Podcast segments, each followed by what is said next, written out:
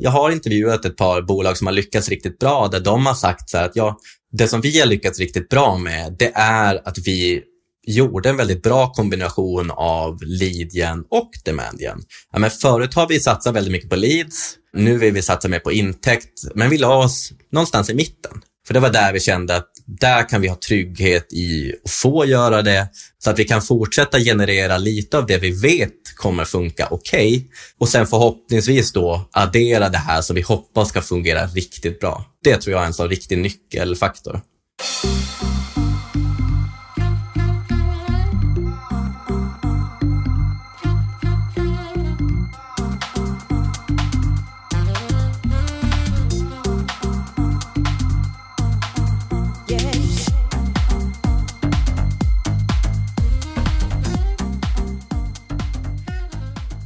Välkommen tillbaka till Digital marknadsföring med Tony Hammarlund. Det här är en podd där jag intervjuar branschexperter och marknadsförare för att lära mig mer om digital marknadsföring. Mitt mål med podden är att bli en bättre marknadsförare och samtidigt dela med mig av intressanta samtal med några av Sveriges bästa marknadsförare. Den här veckan pratar vi om något av det hetaste inom B2B-marknadsföring, Demand Generation. Och med mig har jag en av Sveriges ledande experter på området, Adam Holmgren som är Head of Demand Generation på GetAccept. Där leder han ett helt team fokuserat på just det här, när han inte jobbar på GetAccept driver han podden Driving Demand där han pratar demand generation med några av de vassaste B2B-marknadsförarna i Europa. Och kopplat till podcasten så driver han även en växande community kring det här.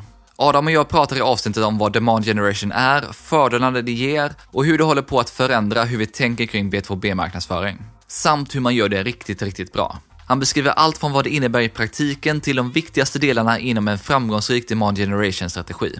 Inte minst varför det är så viktigt att titta närmare på sin funnel och dela upp den i olika intentioner. Och han beskriver även hur han och Get Accept arbetar med demand generation.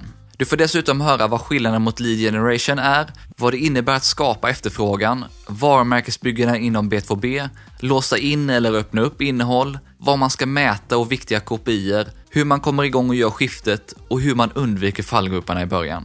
Adam delar också med sig av vad han anser är de tre främsta framgångsfaktorerna för att lyckas med demand generation idag och varför GetAccept valde att öppna upp allt sitt innehåll. Om du jobbar med B2B-marknadsföring så är det här ett viktigt avsnitt som jag hoppas att du gillar och kanske även ger lite idéer om du jobbar med B2C.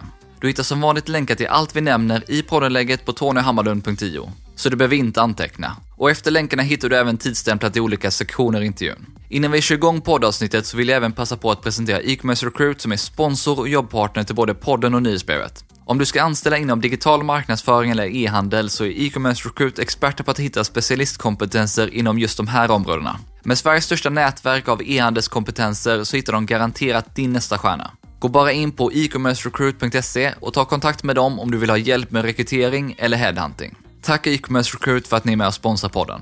Nu kör vi igång och Adam börjar med att förklara vad demand generation är och var begreppet kommer ifrån.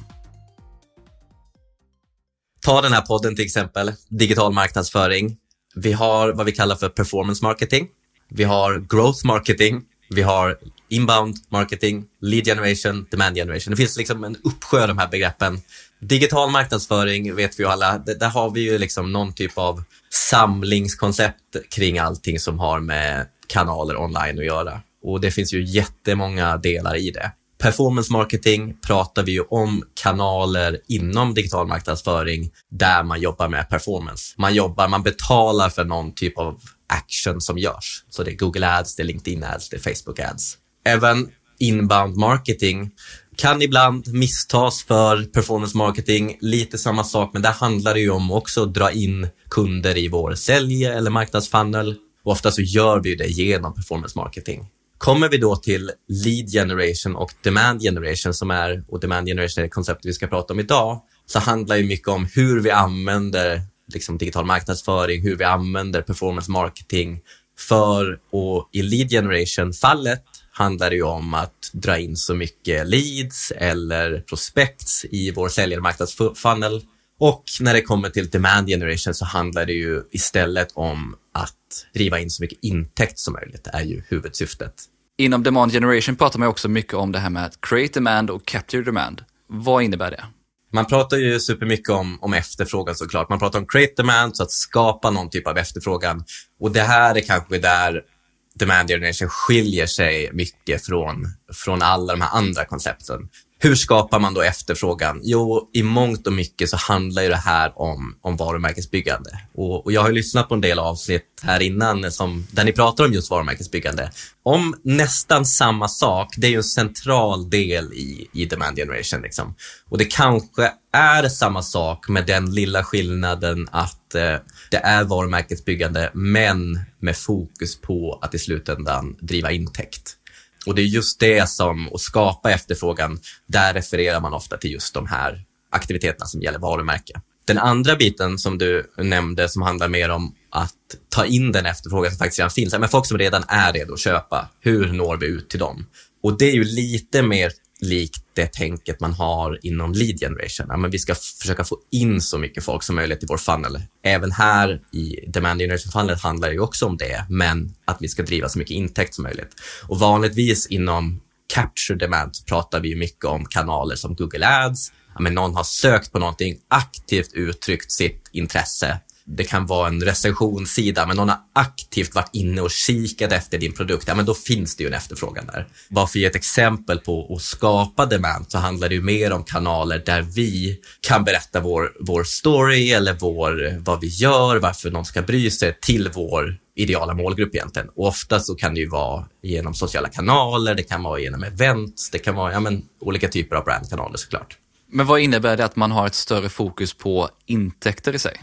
Jag skulle säga att det är i grunden hur man som ett marknadsteam eh, mäts. Jag vet ju det själv. Jag har ju jobbat på en del B2B-företag, jobbat inom SaaS och nu där jag jobbar idag så skulle jag säga att vi framför allt mäts på hur mycket intäkter kommer från marknadsdrivna aktiviteter. Och i grunden kan man väl säga så här, hur mycket intäkter kommer via vår hemsida eller kommer via våra events, den typen av, av mått. Sen finns det andra mått som kan vara bra på kort sikt för att se att vi går åt rätt håll. Och då kan mått som leads och hur många möten vi bokar vara, vara otroligt bra liksom, för att se att vi rör oss åt rätt håll, men i slutändan intäkt. På många bolag tror jag att man i grunden vill eh, såklart driva intäkt, det är ju hela grunden av att driva ett bolag såklart. Men ofta slutar det med att man mäter bara hur mycket leads man driver in i funneln. Så man mäter bara, om vi har en säljfunnel som är från, från att man kommer in som ett liksom prospekt, ett lead, hela vägen ner till möte, ett andra möte, hela vägen ner till kund, så tittar man liksom bara på den här första delen. Och det är väl där vi inom Demandia nu, inom B2B, försöker gå lite mer mot en hel kundresa. För man har ju insett att många av de här leadsen som man drar in, man drar ju alltid in väldigt mycket leads generellt i, de här, i den här typen av bolag, men det kanske inte är alltid rätt.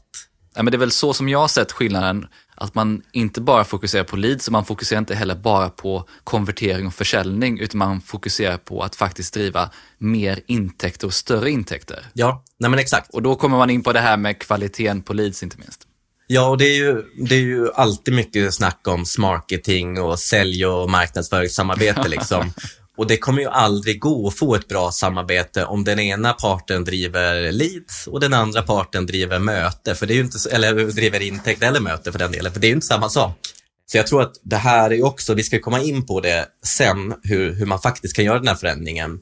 Men det är också, ofta pratar vi mycket om, ja, men hur ska vi då jobba närmare som säljer marknad? Jo, det enklaste sättet är ju att ha samma mål. Om vi har samma mål så är det ju, då kommer vi jobba tillsammans. Och det är någonting jag tycker också är superviktigt. Du var inne på det här tidigare, men hur skiljer det sig hur man ser på kundresan i sig? Ja, jag skulle också säga att det skiljer sig supermycket. Ofta inom lead generation eller inom andra, andra delar så ser man ju till, så, ser man det som att marknad lämnar över ett lead. Ja, men så här, vi har liksom dragit in ett lead här genom vår eh, Facebook-ad, jag vet inte. Då är vi klara. Vi lämnar över till sälj. Sen är det upp till dem att konvertera det här till en deal. Men ser man det som en lite mer full funnel eller vad man nu vill kalla det, en helhetshundresa, då är det ju lika viktigt för oss på marknad att det är kvalitet i det som vi ger över till sälj för att det faktiskt ska bli ett bokat möte. Och någonting som vi tittar extremt mycket på nu är ju, är ju pipeline. Så mycket, hur mycket, många av de här mötena som vi bokar, eh, vilket värde har de egentligen? Är det den typen av bolag som vi tycker är våra ideala kunder? Eller är det de här små enmansbolagen som kanske är lättare att boka möten på, men som det kanske också visar att vi går på fel målgrupp? Det finns en jättestor förändring som behöver göras där generellt. Och sen när du var inne på pipeline, det är väl också hur man kan hjälpas åt för att få den att röra sig snabbare i många fall också. Ja, exakt. Det hur kan vi från marknad vara med i, liksom, i hela vägen? Och jag vet ju många, det, det är ju ett helt annat ämne egentligen, eh, när folk pratar om liksom account-based marketing, kontobaserad marknadsföring. Hur kan vi då jobba mot de företagen som redan är i vår pipe? Liksom? För traditionellt sett så då slutar ju marknad. Och så skulle jag säga att det är mångt och mycket ibland är för oss också. Men hur kan vi då stötta här? Hur kan vi stötta med kundcase? Hur kan vi stötta med och bygga liksom, trygghet för oss som leverantör och de bitarna? Hur skulle du säga att man ser på taktik, kanaler och innehåll om du jämför demand generation och lead gen då? Eh, ett problem som jag ser är, nu får jag låta som att lead är den värsta boven och demand är räddningen. Så riktigt så svart eller vitt är det ju såklart inte. Jag tror alltid på att en, en mix kanske kan vara det bästa då, speciellt i början av sin resa. Men, men jag skulle säga att i grunden så, i leadien så tittar man ju så extremt mycket på ja, men vad har du för kostnad för att dra in ett lead? Vad har du för kostnad för ett klick?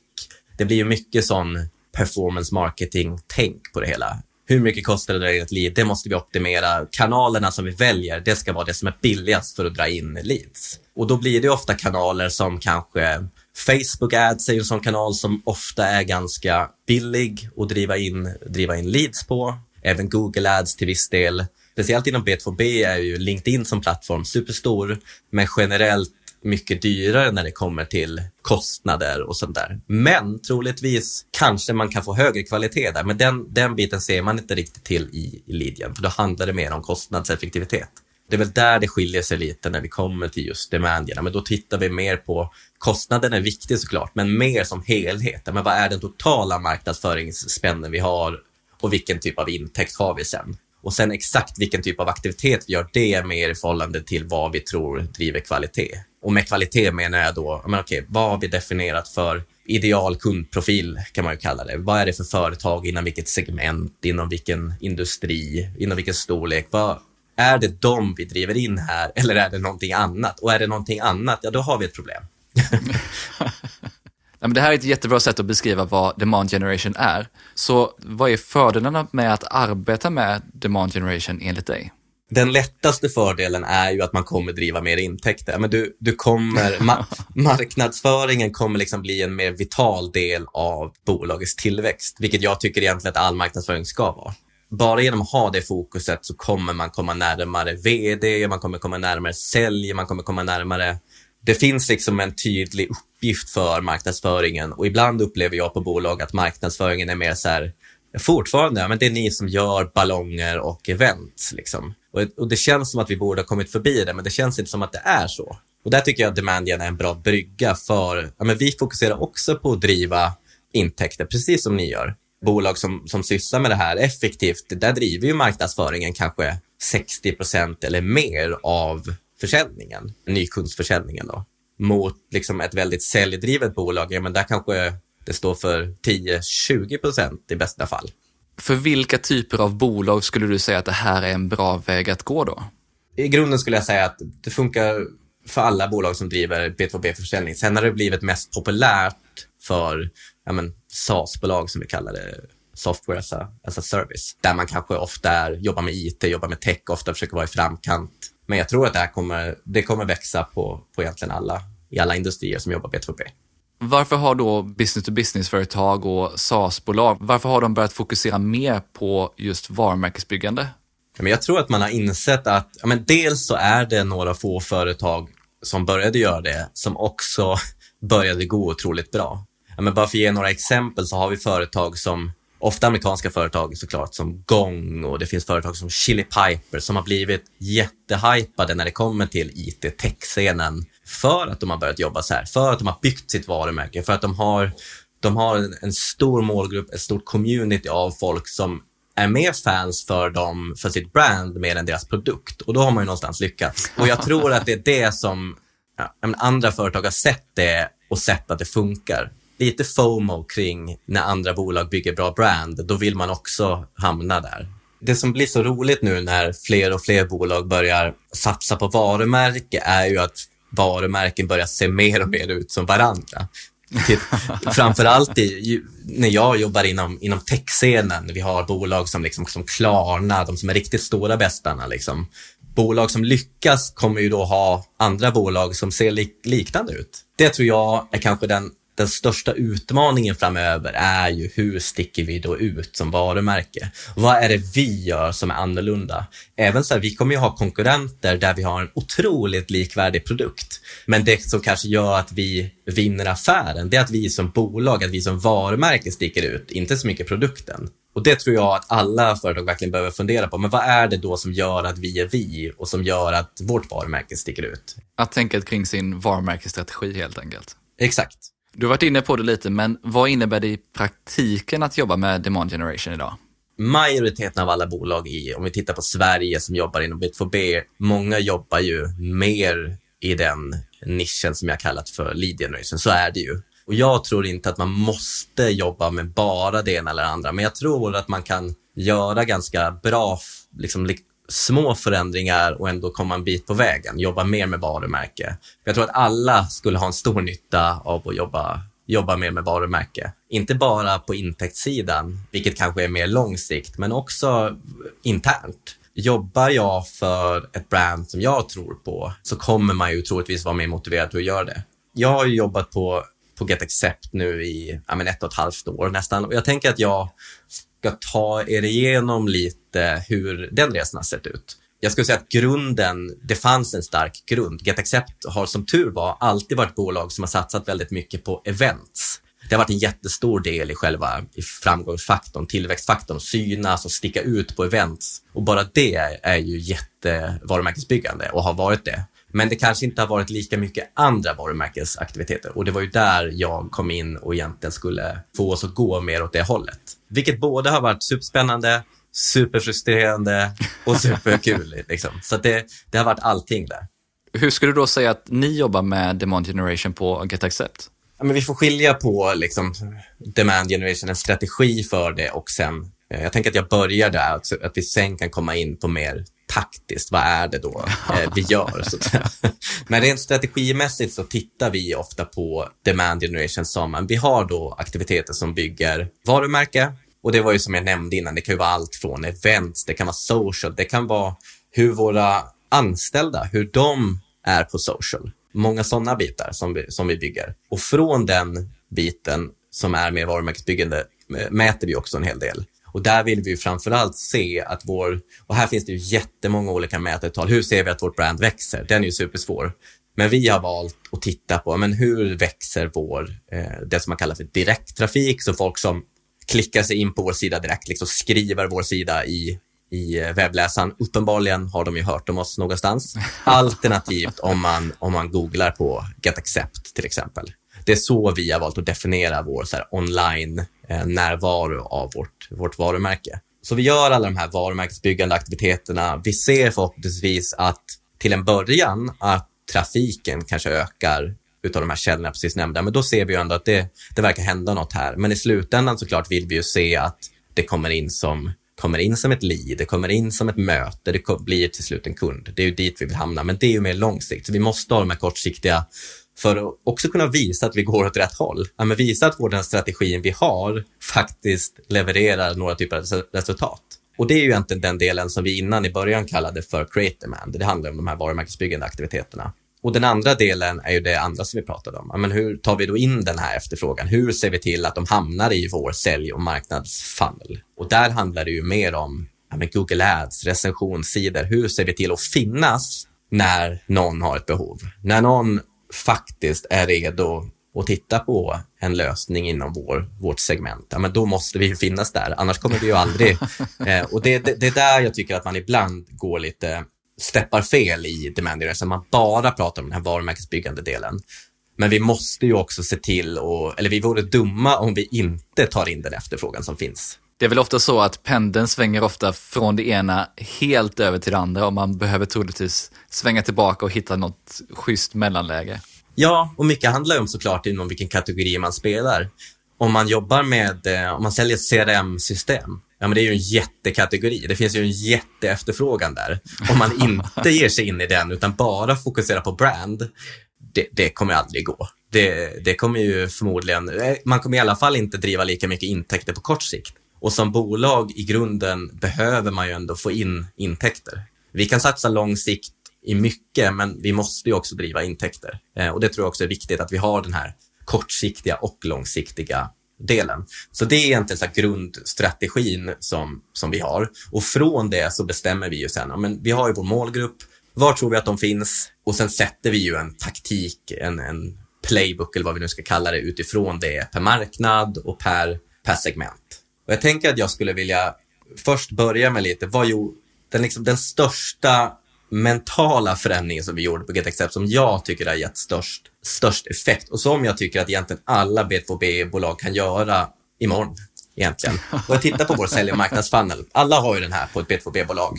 Um, vi går från lead, vi går hela vägen ner till kund. Hur många kommer in i varje steg och vilken procent har vi då emellan? Så vi hade en sån funnel i början när jag, när jag började.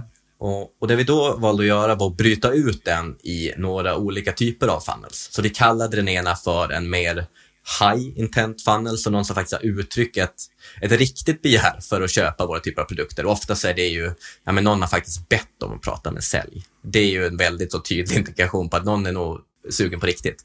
Sen hade vi fler funnels som var mer så här, men de vill göra köra ett testkonto av vår produkt. Troligtvis inte lika köpstarka just nu. Det kan vara, men de kan också vara helt bara, de vill bara testa liksom. Eh, och sen finns det, har vi kört en tredje som var mer, också low intent som vi kallar det, som var mer så här, men kommer från ett event, kommer från ett nyhetsbrev. Så här. Inte riktigt visat samma, samma intention. Laddat ner någon typ av enkel guide eller liknande. Exakt, exakt.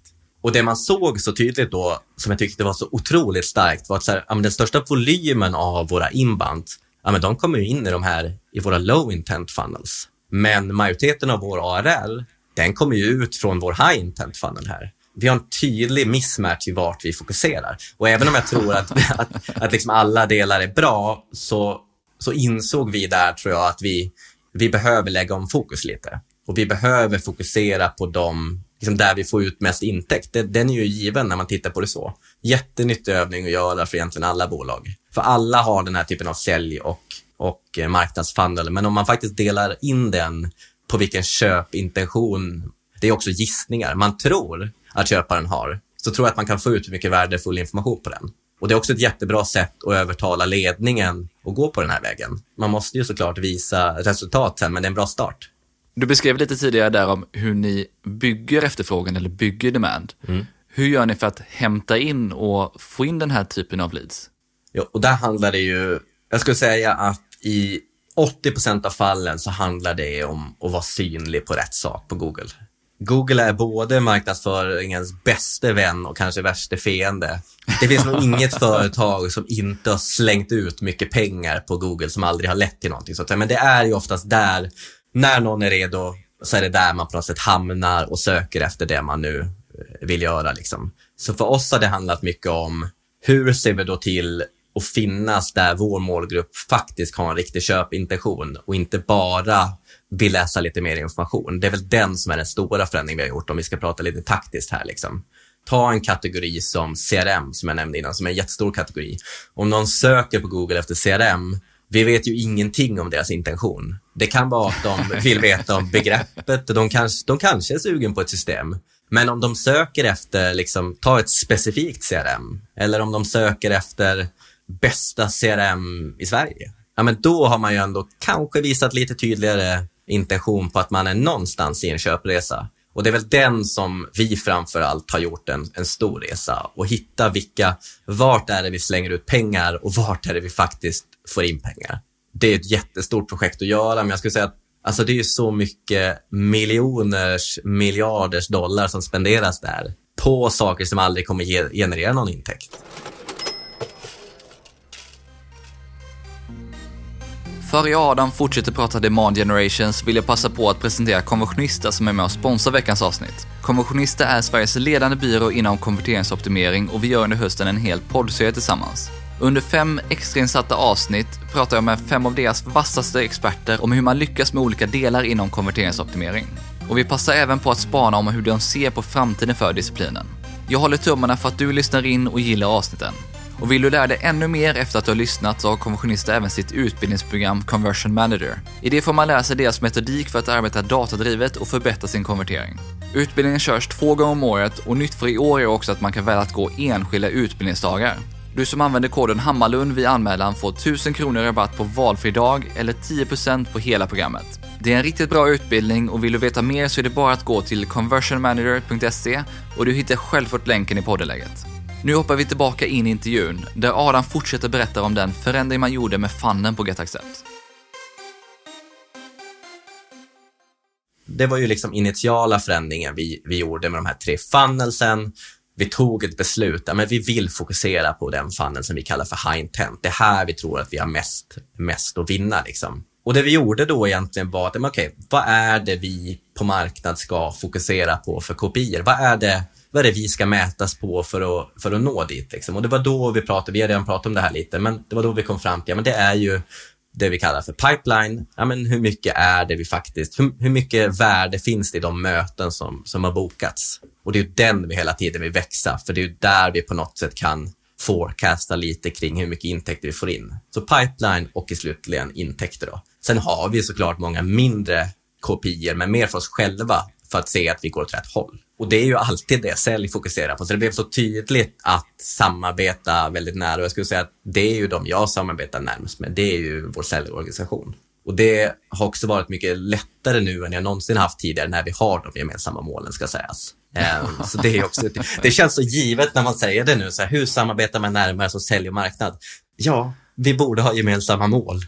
Man förväntar sig något guruliknande svar och något filosofiskt svar, men det är så enkelt. Ja, det känns så. Och sen finns det ju så alltid klart att vi, vi kommer ju alltid få in vissa leads som kanske inte var kvalitet och vi kommer få in de som är i kvalitet. Så det kommer ju alltid finnas viss friktion. Men det känns som att så länge man har samma mål, så länge man vet att båda jobbar åt samma håll, så är det liksom ett bra steg ett.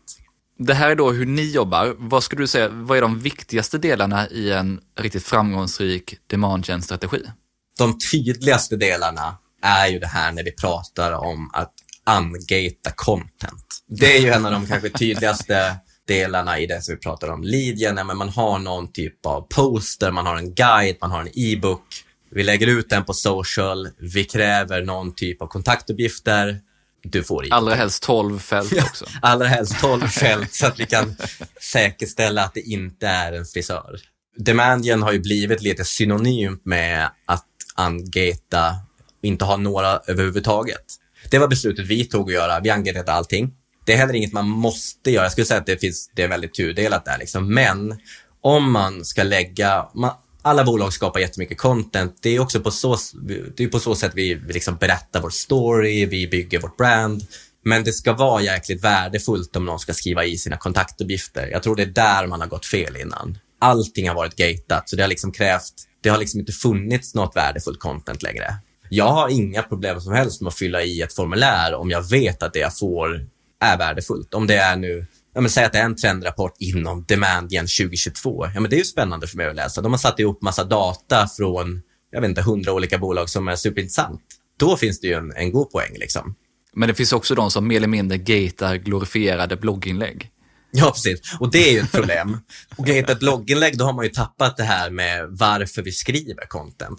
Att anledningen till att ungata content är ju att vi vill kunna distribuera det till så många som möjligt. Gatar vi content då tar vi bort den möjligheten. Vi, vi, vi kommer ju liksom betydligt färre kommer ju se den här blogginlägget eller e-boken om vi väljer att sätta ett formulär på det. Men gör vi inte det, ja men då kan det ju distribueras till enormt många.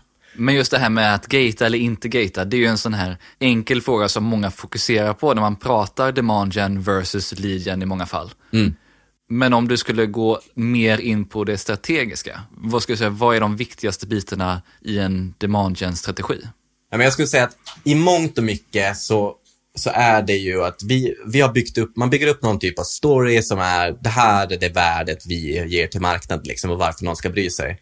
Demandien handlar ju mycket om sen, hur distribuerar vi det här? Och hur distribuerar vi det här så brett som möjligt på ett effektivt sätt som möjligt? Hela anledningen till att angeta content, det är för att vi vill kunna distribuera det så brett som möjligt. Jag pratade innan om paid search eller Google som en av kanske de viktigaste taktikerna för att hämta in efterfrågan. Och en av de viktigaste förändringarna jag skulle säga för att skapa efterfrågan, det är hur man jobbar med sin social. Och då skulle jag säga både, det kan vara både organisk social, det kan också vara betald social. Och för B2B-företag så är det ju ofta LinkedIn, kanske Facebook, kanske YouTube. Det är väl de som kanske är de, de största kanalerna. Det är hur man använder sig av de här kanalerna. Och en stor förändring som många bolag gör inom Demandgen är ju att vi vill få ut vår story och våra liksom, värden i feeden. Så vi vill att när folk scrollar på LinkedIn, vi vill att de ska ha en takeaway direkt i feeden. Vi tittar inte längre jag ska inte säga, men vi tittar inte så mycket på om de klickar sig vidare till vår sida.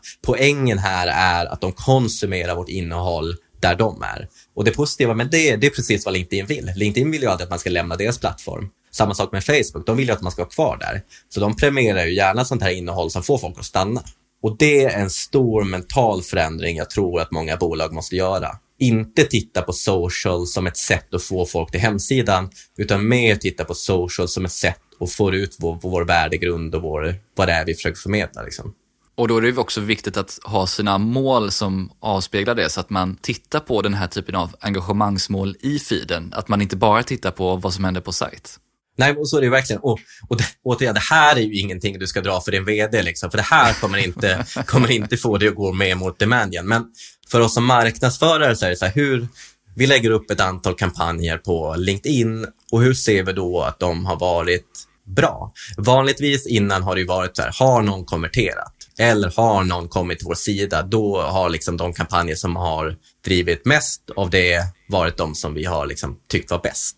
Nu har vi landat i mer mått som så här, okej, okay, har vi en video, hur många har konsumerat hela den här videon i procent av de som har sett den? Liksom? Har vi den procenten på över 50 procent, ja men det här verkar verkligen resonera med vår målgrupp. Och det är också det som är så himla fint med LinkedIn, är att vi kan, vi kan targeta så himla snävt, så vi kan ganska, på ett ganska bra sätt också experimentera med vad som funkar på vår målgrupp. Vilket vi kan använda på vår hemsida och, och annat sen. Liksom. Men det är ett superbra test. Märker vi att vi, vi gör en video där vi pratar om vår kategori, där vi pratar om någonting annat som inte funkar, men då är det ju någonting vi kanske behöver laborera med. Så jag tycker faktiskt att som marknadsförare, man blir sjukt mycket mer kreativ genom att jobba mot sådana här engagemangskopior versus konverteringskopior. Det blir ju mer oh, vart kan vi sätta in eh, en knapp som folk ser tydligt och kan vi ändra färg på den? Här handlar det ju mer om så här, vad är det för budskap vi faktiskt får ut här? Så det har varit en jättestor förändring för oss skulle jag säga. Och jag skulle säga att det är den största förändringen också för bolagen som lyckas. Och inte bara betalt utan även organiskt. Vad är det man lägger ut organiskt? Och hur jobbar ens medarbetare med sin egen social? Det är sjukt viktigt. Ännu ett buzzword som vi pratar mycket om inom Demandgen är ju det vi kallar för dark social. Och där pratar vi om mycket så här, ja men alla de här viktiga konversationerna i en B2B-köpresa, det händer på alla de här ställena vi inte kan mäta. Ja, Men det kan vara communities, det kan vara i LinkedIn DMs, det kan vara inom sin privata Slack-företagsgrupp eh, eller vad man nu, i sin Teams-chatt som man har på företaget. Och att det är de där vi aldrig kommer kunna se. Liksom. Men på någon nivå vill vi kunna börja ta oss an de kanalerna. Ett av de bästa sättet som jag tycker är att börja jobba med de här kanalerna som vi inte kan mäta är ju att jobba med sina egna anställda och deras presence i social. In, inte på något sätt någon press om att de ska trycka ut vår liksom, bolagsinformation och våra produkter, men har vi anställda som är riktigt aktiva? Jag vet bara mig själv. Jag, jag har ändå under senaste året verkligen försökt vara riktigt aktiv på LinkedIn och haft det som ändå en sån här Ja, men jag försöker posta ganska många, många, gånger i veckan och försöker få ut information och kunskap som jag tycker är viktigt. Och ibland, kanske 10% av tiden, postar jag om GetAccept. Men vi har ju fått in liksom, affärer på GetAccept där de säger att de lärde känna, eller liksom hörde av GetAccept för att de följer mig på LinkedIn. Så jag tror att det är så sjukt kraftfullt om man får folk som genuint lägger ut någonting om ett bolag, men bara genuint är på sådana här plattformar. Om just hur man ser på social och vilken typ av innehåll man använder där är en sak och en typ av innehåll och taktik som ni använder. Vad, skulle säga, vad finns det för andra typer av taktiker som du ser att man ofta använder inom demand gen? Jag har ju pratat om social och search, det kanske de, så här, det är de största kanalerna mest för att det är där marknadsförare slänger bort mycket pengar. Så det är därför de blir ganska aktuella. Sen finns det jättemycket annat som ofta är, ofta är väldigt viktigt. Jag pratade inledningsvis om våra funnels, vår high intent funnel, vår low intent funnel. Och där folk kommer in i de funnelsen, det är ju vår hemsida. Så hemsidan blir ju här en vital del. Att optimera hemsidan för vår high intent funnel som jag kallade det innan, det är ju A och O här. För det spelar ju ingen roll vad vi gör på paid social eller vad vi gör. Jo, det gör det, men inte lika mycket eh, på paid search. Om folk kommer till vår hemsida och inte förstår. Eller att vi pratar på ett annat sätt på vår hemsida och det finns ingen tydlig punkt att liksom konvertera på. Så det är också en stor grej. Okej, om vi vill att folk i större mån ska bli, ska räcka upp handen och vilja prata med sälj, då måste vi se till att för det första att det vi gör i paid social, i paid search, det som vi gör på events, att det reflekterar när någon hamnar på vår hemsida. Det är ju ändå det som oftast är slutmålet. När någon är redo, då ska de landa på vår hemsida. Hur ser vi då till att optimera den? Och det kan man göra på jättemånga olika sätt såklart. Men en sak som jag tycker är sjukt viktig är ju så här, för det första så har det alltid varit väldigt populärt. Vi ska ha CTA överallt. Liksom. Folk, om folk är riktigt taggade så hittar man CTA. Det är inte problemet. Men om det är att vi vill att folk ska prata med sälj, ja, men då är det ju det vi ska fokusera på. Ofta så ser man, ja, vi kommer få in absolut fler leads om vi trycker på en e-book eller om vi trycker ut vår, eh, våra gratiskonton eller vår testperiod. Men om det är high intent konverteringar vi vill, vi vill ha och vi tror att det kommer generera mest ARR, då måste vi våga fokusera på det andra. Och det är här den, den farliga biten i demand generation kommer in, den som jag, det som gör att många går tillbaka. Liksom. Alla de här taktikerna som jag pratat om, effekten av dem på kort sikt, det blir ju ofta att vi får in färre leads. Och effekten av att få in färre leads, det är att du kommer ha väldigt många som nosar dig i nacken och i, i ryggen och, och vill verkligen förstå vad som händer för att det ser ut som allt håller på att gå åt skogen. Liksom. Jag tänker att vi kommer in på det, för det det är just hur man kommer igång där och lite vanliga fallgrupper som jag inte minst har hört många prata om. Nej, det kan vi prata jag, mycket. att vi kommer om ja, det kan vi prata mycket. Vilken roll fyller då content marketing, account-based marketing och andra typer av taktiker inom demand generation i sig?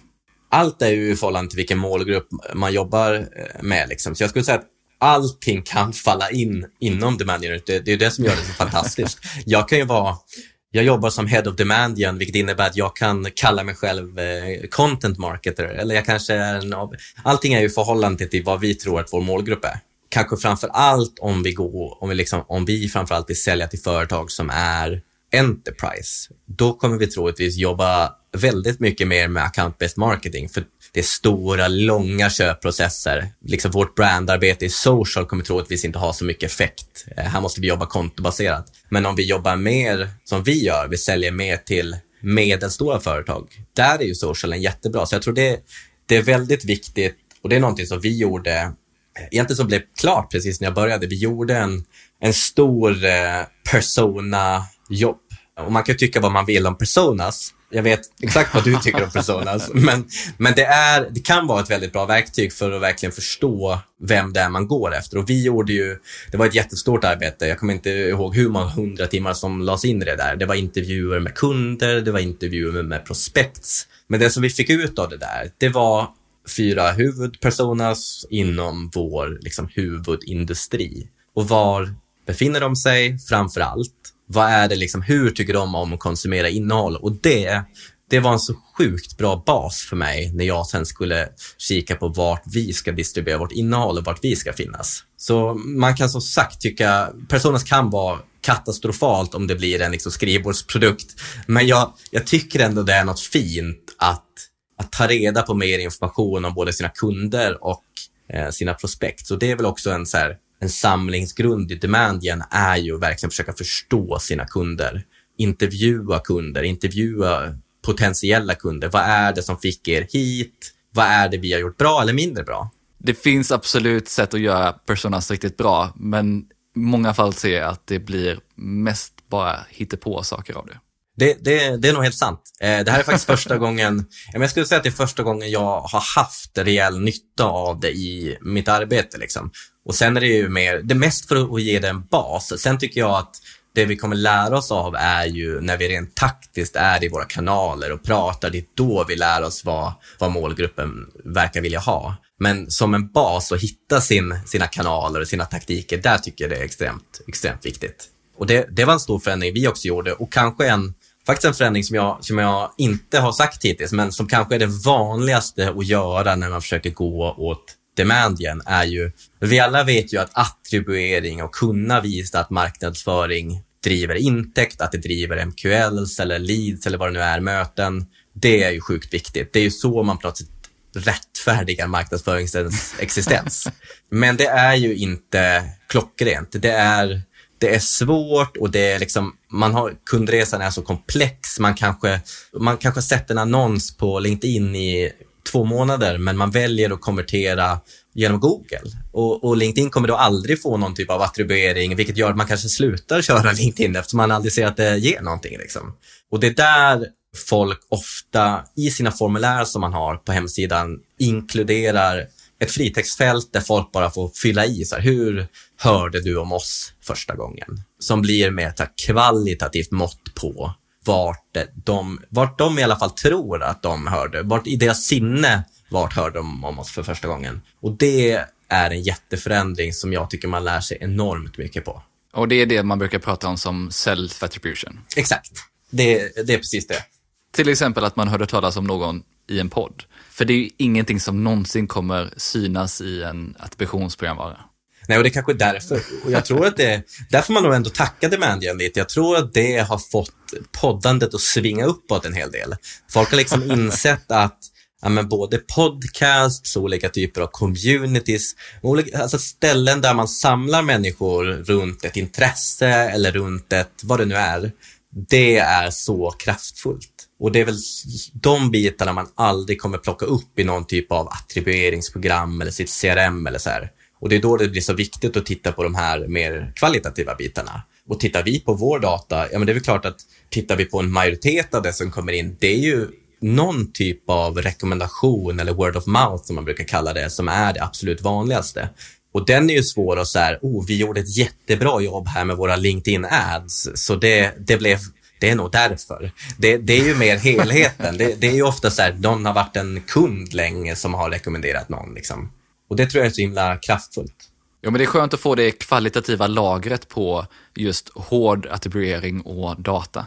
Nu när vi just pratar om mätning, attribuering, vad ska man mäta och vad är viktiga kopior att tänka på när man jobbar med demandgen?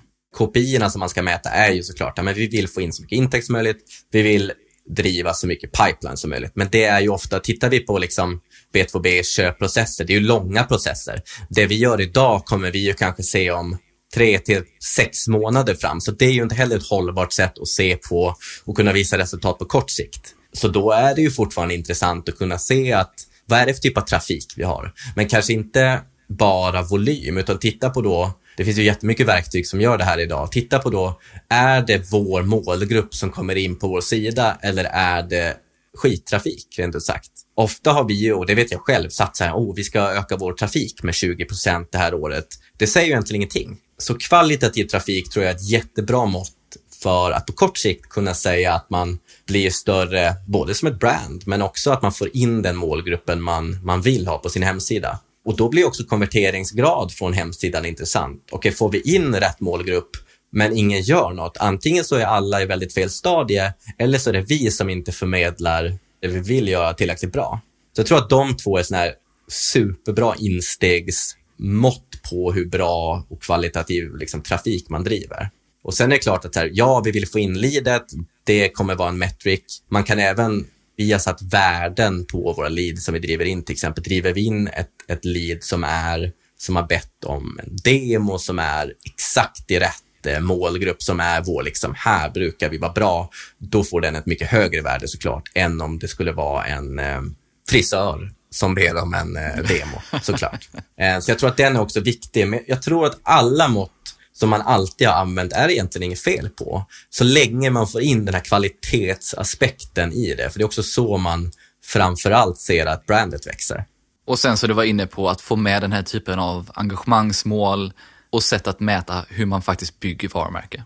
Ja, exakt. Och, den, och, det, ja, och det kanske är ännu viktigare. Och den blir ju, framförallt för ditt eget marknadsteam, liksom, blir ju vi, på många bolag och även hos oss finns det såklart, vi har ett content team, vi har ett brand team, vi har vårt demand team. Men vi jobbar ju så tätt sammankringlat. Liksom. Ska vi skapa en kampanj, ja, men då kommer vi jobba med content för att ta fram olika typer av texter och stories. Vi kommer jobba med brand och design för att ta fram någon typ av visuellt material. Men vi kan alla enas kring våra engagemangsmål. Ta att det är en video till exempel, men då är våra huvudmål att folk ska konsumera hela videon, för då tror vi att vi har, liksom, vi har lyckats med någonting här. Gör de inte det, men då får vi sätta oss hela gänget och fundera på vad det var som inte funkade. Jag tycker det har skapat en helt annan kreativitet, eh, framförallt i just både kampanjprocessen men i hela tänket kring marknadsföring. Det tror jag verkligen. Om man nu är såld efter att ha lyssnat på dig, och för jag är såld, jag tycker det här är ett fantastiskt sätt att jobba på om man jobbar med business-business marknadsföring. Hur kommer man igång på ett bra sätt? Ja, och det, det är ju det som är, är klurigt. Jag tror att man kommer aldrig kunna komma igång om man inte får förtroende från bolagets ledning från redan första början. Annars är det helt omöjligt att liksom gå mot en strategi där volymen kommer gå ner, kvaliteten kommer på lång sikt gå upp. Men kanske på kort sikt kommer man ha det lite tuffare som bolag. Liksom. Det kommer aldrig gå att få igenom om inte alla är med på, på tåget. Som marknadsförare, om man vill göra en sån här förändring, tror man, jag tror att man gör bäst genom att hitta några väldigt små saker som man kan förändra för att visa på resultatet av en sån här typ av strategi. Och ofta kan det vara väldigt varumärkesbyggande saker. Om vi skiftar strategi här på social, det kan vara en jätteliten del av vår hela marknadsstrategi för att, liksom, att folk ska konsumera vårt innehåll på feeden. Liksom. Det kanske är den enda förändringen vi gör. Kan vi då se någon typ av förändring på vårt brand eller att om vi har ett sånt där self-reported fält, det kanske också är en förändring man kan lyckas få igenom. Kan vi se att folk faktiskt nämner det? Ja, men då har man ju börjat liksom hitta ammunition för en sån här förändring. Så jag tror att hellre börja litet och sen skala än att börja stort och sen få backa tillbaka. För jag pratar med så mycket marknadsförare ja, varje vecka som, som liksom ber om råd för hur de ska få fortsätta. Det är så här, nu, nu har MQLsen eller leadsen börjat gå ner. Vi ser inte riktigt någon förändring ännu på, på intäkter. Vi kommer inte få fortsätta med det här. Liksom. Och jag tror att det är där man måste landa i att nej, på kanske sex månaders horisont kommer vi inte se de här monsterresultaten vi vill. Men på ett års, på två års, ja, men det är ju så vi bygger varumärke den här hockeystick-effekten som folk ofta letar efter. Ofta så finns ju inte den. Om man inte både har en väldigt tur och kanske kommer in på exakt rätt tillfälle på en marknad inom ett segment. Liksom. Sen är väl också att då är man ofta fokuserad på att mäta just MQL, kvalitet på leads och så vidare. Och man har inte tittat på hur starkt varumärket är. Så att man fortsätter att bli mätt på det som man gjorde tidigare och man har inget benchmark, man har ingen mätpunkt, inga KPI för att faktiskt visa på om man nu har försökt att börja jobba mer med att faktiskt skapa efterfrågan och bygga sitt varumärke. Nej men, nej, men så är det nog. Liksom. Sen tror jag bara att man måste hamra in de här budskapen. Jag tror jag har sagt ordet high intent MQL en miljon gånger de senaste åren. Och nu är, det så här, nu är det ändå ett vardagligt begrepp hos oss. Så jag tror att det, för det tycker jag känns som ett väldigt bra sätt att börja, att börja kategorisera sina leads. Att faktiskt se att när vi gör det här, ja, antalet går ner, men vi börjar se en förändring i kvaliteten och intentionen som leadsen kommer in med.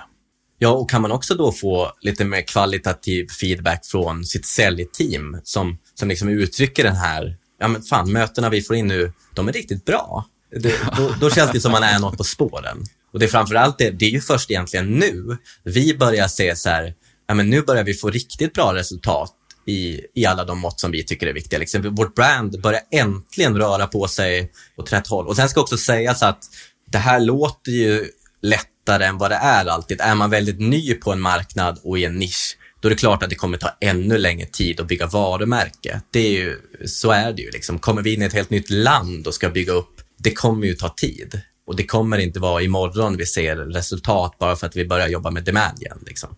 Är det det här som du ser som en av de vanligaste fallgroparna som du var inne på att det är många marknadsförare som kommer med frågan till dig, inte minst i din community och kring dig, just att nu ser vi att MQL börjar dippa? Det absolut vanligaste är ju det du nämner. Det är att här, man börjar, man gör alla de här förändringarna vi har pratat om idag. Ja men fan, det är gött ändå. Vi har ändå lyckats med något bra här, men sen när vi väl ska börja titta på resultaten, då ser allting bara rött ut. Vi har bara negativa trender och då kommer ju din vd eller säljchef, vem det nu är, troligtvis komma och säga att så här kan vi inte ha det. det vi kan inte fortsätta så här. Och det är ju också då ja, men det, då, då, finns det ju ingen återvändo liksom, eh, oftast. Och det, det här jag tror att många går för fort fram. Jag tror att det är det som är problemet. Man, man vill så mycket. Jag är exakt likadan. Jag köpte in stenor på det här konceptet ganska snabbt efter att jag, jag hörde det så att säga. Och ville göra förändring på förändring på förändring. Men även jag har fått inse att så här, jag måste också bida min tid. Jag måste kunna göra vissa förändringar som kanske inte märks, som jag kan visa på resultat för och sen få göra de här stora förändringarna. Och jag har också, jag har intervjuat ett par bolag som har lyckats riktigt bra där de har sagt så här att ja, det som vi har lyckats riktigt bra med, det är att vi gjorde en väldigt bra kombination av leadgen och demandgen. Ja, men förut har vi satsat väldigt mycket på leads, nu vill vi satsa mer på intäkt, men vi la oss någonstans i mitten. För det var där vi kände att där kan vi ha trygghet i att få göra det, men också i fort... Det andra har ju också genererat intäkter tidigare. Det, bolaget har ju vuxit liksom. Så att vi kan fortsätta generera lite av det vi vet kommer funka okej okay, och sen förhoppningsvis då addera det här som vi hoppas ska fungera riktigt bra. Det tror jag är en sån riktig nyckelfaktor. Om det här är en nyckelfaktor som bolag som du har pratat med, som de lyfter fram. Vad skulle du säga, vad finns det för fler framgångsfaktorer för att lyckas riktigt väl med demand gen framöver? Tre tips för att faktiskt lyckas med både demand generation, men kanske mer lyckas med skiftet från någon typ av lead gen-modell till demand gen, skulle jag säga är att börja med det som vi tittade på innan, som är att dela upp sin sälj och marknadsfunnel i high intent och low intent titta på var volymen av ens leads kommer in, titta på vol vart liksom, volymen av ens ARR eller intäkt kommer ut. Där är liksom basen till all typ av strategi och taktik inom demandgen och den basen behöver man verkligen. Och mitt andra tips som jag har som B2B-bolag, det är att börja titta på B2C-bolag. För de, de har liksom gjort det här bra i, jag vet inte, i alltid liksom. Och det finns så sjukt många bra lärdomar vi kan, vi kan få därifrån. Också intervjua andra marknadschefer inom B2C. Jag tror att det känns ibland som att B2B vi blir liksom ett segment och B2C blir ett annat. Jag tror att mycket av det vi ser i B2B nu, det är att vi närmar oss det som de har gjort i flera år i B2C. Så titta på liksom riktigt schyssta kampanjer i B2C. Hur kan vi göra det här i B2B? För vi säljer ju, det är ju alltid de facto att vi är ju personer som köper av personer och jag tror att B2C har fattat det länge. Vi har ju inte riktigt fattat det förrän nu. Tittar man på när, när folk anställs i ett B2B-bolag eller B2C-bolag, det är alltid en erfarenhetskrav om du ska jobba inom B2C att du ska ha erfarenhet inom B2C. Samma sak inom B2B, ja, men du ska ha tio års erfarenhet av B2B. Det skulle nog vara jäkligt nyttigt om vi inom ett B2B-bolag tog in 50-50 kanske. Inom ett B2C-bolag, samma sak det känns som att det är den förändringen som ändå håller på att ske, är ju att vi, det är inte så stor skillnad. Vi säljer till personer, personer följer andra personer på LinkedIn. Det är liksom där vi får ut värdet oavsett. Sen finns det olika kanaler som funkar olika bra såklart. Inom liksom B2B är det klart att det kanske är svårare att nå igenom på TikTok om inte det är din målgrupp. Men det kan ju gå. Men det är samma sak för B2C, allt handlar ju om målgruppen även där.